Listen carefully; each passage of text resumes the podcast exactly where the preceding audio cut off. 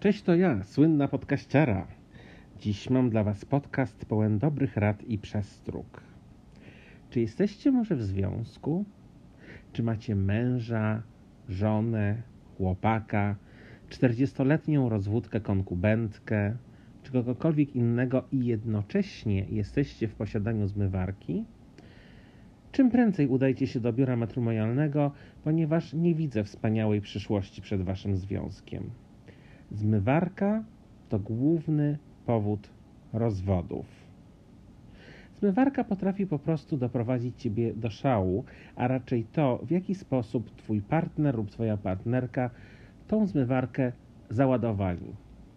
Zacznijmy od rzeczy bardzo takich podstawowych.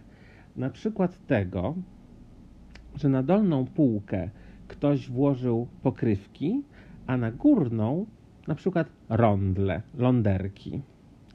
Wiadomo przecież, że na dole wszystko się lepiej zmywa, a na górze się kładzie takie rzeczy bardziej delikatne.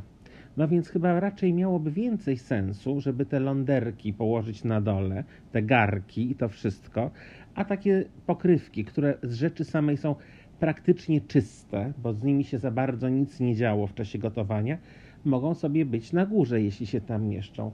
To nie, to jest na odwrót i później otwierasz taką zmywarkę, żeby ją rozładować i po prostu ręce opadają.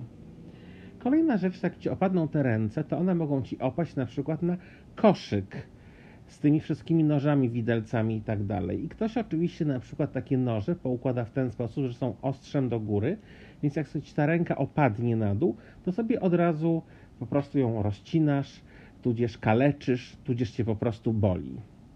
Więc to jest kolejny powód po prostu dla rozwodu. Jeżeli takie rzeczy, takie sytuacje się powtarzają, tym bardziej, że się zwraca człowiekowi uwagę, żeby tego nie robił, a robi nadal. Trzecia rzecz, która jest już prawie najgorsza, to chochle. Jak można kłaść chochle na tej górnej półce w ten sposób, że tym zagłębieniem są do góry? Przecież wiadomo, że jak ta woda tam naleci, to później ta woda tam zostanie w tej chochli. I taki później będzie tą chochlę i tak trzeba będzie jakoś jeszcze wypłukać, bo w tej wodzie to zostaną jakieś takie dziwne rzeczy albo jakieś takie, takie osady z, tego, z tej kapsułki do zmywania.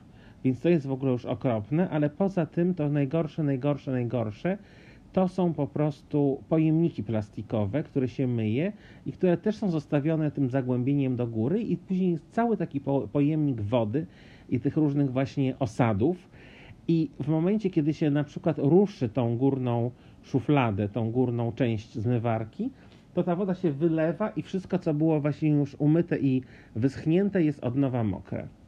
Więc słuchajcie, jeżeli, jeżeli jesteście z kimś w związku, czy macie ochotę, czy coś wam się szykuje, czy jakieś tutaj miłości się kręcą, wspaniałe, czy jakieś romanse się rozwijają, nigdy, ale to przenigdy nie kupujcie zmywarki. Myjcie wszystko ręcznie. A poza tym, jak ktoś kiedyś mądry powiedział Agnieszce Jucewicz w wywiadzie, w szczęśliwym domu same zmywają się talerze.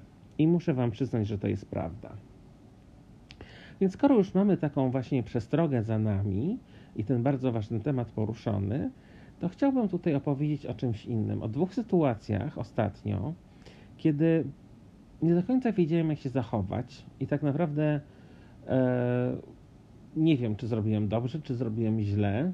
W jednej sytuacji nie zrobiłem nic i trochę jakby się zastanawiam, czy dobrze, że nie zrobiłem nic, więc Wam opowiem.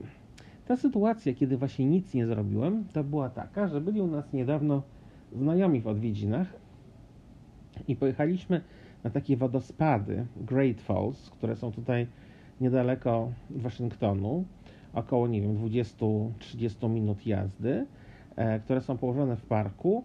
No i tam jest w ogóle bardzo ładnie, i się przyjeżdża, i się chodzi, i się spaceruje, e, i ta rzeka Potomak właśnie sobie spływa takimi kamieniami, wodospadami i tam można sobie chodzić i oglądać, i robić zdjęcia i w ogóle jest bardzo ładnie. No więc ja tam już byłem nie raz, nie dwa, nie trzy.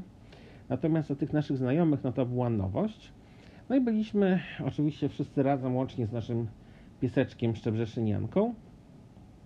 No i Szebi jakaś nie była zbytnio zainteresowana spacerami długimi. E, chciała sobie usiąść, były takie też miejsca ze stolikami piknikowymi, ona takie sto, stoły piknikowe uwielbia, więc ja stwierdziłem, że sobie idźcie tam, inni oglądajcie, a my sobie z Szebi zostaniemy i posiedzimy. No i tak też uczyniliśmy. Kiedy sobie siedzieliśmy przy tym takim stoliku piknikowym, niedaleko nas y, była inna, inne osoby, inna rodzina. Wyglądała to na, znaczy jakby ze względu na stroje kobiet, no to były to, było to towarzystwo muzułmańskie. E, no i tam właśnie też sobie, nie wiem, coś szykowali, szykowali w ogóle jakieś takie, nie wiem, przyjęcie. E, faceci, oczywiście było tak, że mężczyźni poszli e, i chłopcy razem, kobiety zostały razem z dziećmi i mężczyźni poszli przynieść jedzenie, a te kobiety zostały. No i w pewnym momencie jakiś taki chłopiec siedział w wózku, w takim wózku spacerówce, no i ten chłopiec, miał, bym powiedział, że miał tak na 2-3 lata i zaczął płakać. Ale nie tak, wiecie, że jak czasami są takie po prostu bachory potworne, które się po prostu ryczą i w ogóle nie można wytrzymać. I zwykle właśnie te bachory latają samolotami, siedząc tuż za mną. Tylko no to było takie dziecko, które sobie popłakało, no ale po prostu jakby, ja bym, nie, nie twierdzę, że było to w jakiś sposób straszne, no po prostu czegoś potrzebowało. I w tym momencie podeszła do niego jedna dziewczyna i słuchajcie, ona była taka, wyglądała tak, że nie wiem, mogłaby być jednocześnie jego starszą siostrą, ale mogłaby być też jego matką i po prostu tego chłopaka z liścia po prostu strzeliła w twarz. I to tak naprawdę mocno tego, to, tego chłopczyka uderzyła. I znaczy dziecko oczywiście przestało płakać. E, zaraz inne kobiety przyszły, jakby stanęły dookoła i to wszystko jakby zasłoniły ale tak się też rozglądały, czy ktoś e, nie zauważył. Ja oczywiście siedziałem w moich okularach słonecznych i udawałem, że patrzyłem zupełnie inną stronę, no ale jakby obserwowałem, co zrobić. I tak naprawdę właśnie i nie zrobiłem nic. I do tej pory się troszeczkę z tym źle czuję, ale z drugiej strony nie wiem, no co, co miałbym zrobić. W Stanach jest, e, to nie jest tak jak w Szwecji, że od razu już po prostu byłoby dziecko odebrane, a ta kobieta wsadzona do więzienia na dożywocie. E, ale też jest tutaj nielegalne bicie dzieci. E, I myślę, że gdybym, nie wiem, zawiadomił policję na przykład, no to naprawdę byłby ogromny problem. Myślę, że gdybym poszedł tam po prostu i porozmawiał i, i, i, zwrócił uwagę, czy na przykład się zaczął wymądrzać, co ja po prostu uwielbiam chodzić i mówić wszystkim, zwracać uwagę, no to też myślę, że to by nie odniosło e, znakomitego skutku, a myślę, że sam mógłbym się spotkać e, z wpierdolem od panów, którzy by wrócili za chwilę. E, I, i tak sobie myślę, że może biedny ten chłopiec, że w zasadzie powinienem coś zrobić, ale nic nie zrobiłem, ale tak naprawdę nie wiem co, więc może wy macie pomysł, co powinienem zrobić w takiej sytuacji, bo, bo nie wiem. Natomiast Druga sytuacja była taka, że poszedłem sobie na spacer, bo stwierdziłem, że oczywiście muszę schudnąć, więc teraz będę chodził na spacery. E, no i sobie idę, idę, idę i przechodziłem sobie tutaj niedaleko naszego domu przez ulicę i leżało coś, znaczy leżał taki telefon e, komórkowy na przejściu dla pieszych, e, już z takim stłuczonym ekranem. Ja po prostu przeszedłem przez ulicę, ale się wróciłem i stwierdziłem, że podniosę ten telefon i go odłożę gdzieś na bok, no bo może ktoś go będzie szukał, a jak on tam zostanie na ulicy, to po prostu będą dalej na przykład po nim samochody jeździły, że może w tej chwili jeszcze się da go uratować, albo cokolwiek tam jest w środku, jakieś kontakty i inne rzeczy, a później to już pewnie nic z niego nie zostanie. No i kiedy wróciłem yy, i podniosłem ten telefon, to się okazało, że on miał z tyłu jakby taką doczepioną yy, kieszonkę, taki portfelik jakby, no i tam się okazało, że tam były jakieś pieniądze, nawet nie wiem ile, na jakaś tam gotówka, e, była karta do metra, były, było kilka kart kredytowych e, i był też prawo jazdy e, właścicielki tego telefonu. No więc ja stwierdziłem, że po prostu zobaczymy, zobaczę gdzie jest ta, ten adres, ten właścicielki. Sprawdziłem sobie w, w moim telefonie, wpisałem w mapę E, no i się okazało, że to jest jakieś tam właśnie, nie wiem, pół godziny na piechotę. E, to stwierdziłem, że wezmę, e, po prostu odniosę ten telefon z tymi wszystkimi kartami, z tymi wszystkimi, że ktoś będzie w domu, jak nie będzie w domu, to zostawię je w skrzynce. e, po prostu, żeby tego nie zostawiając. No więc jakby wpisałem sobie w GPS-a ten, ten, ten adres i już miałem właśnie zamiar iść, już tu idę właśnie trzymając ten telefon w jednej ręce, w drugiej ręce patrząc na ekran mojego. No i w tym momencie przebiegła właścicielka i krzyczy, że to mój telefon, to mój telefon, to mój telefon. No i mówię, kobito, no przecież ci go nie kradnę, przecież patrz, tutaj mam wpisany twój adres, właśnie miałem ci odnieść.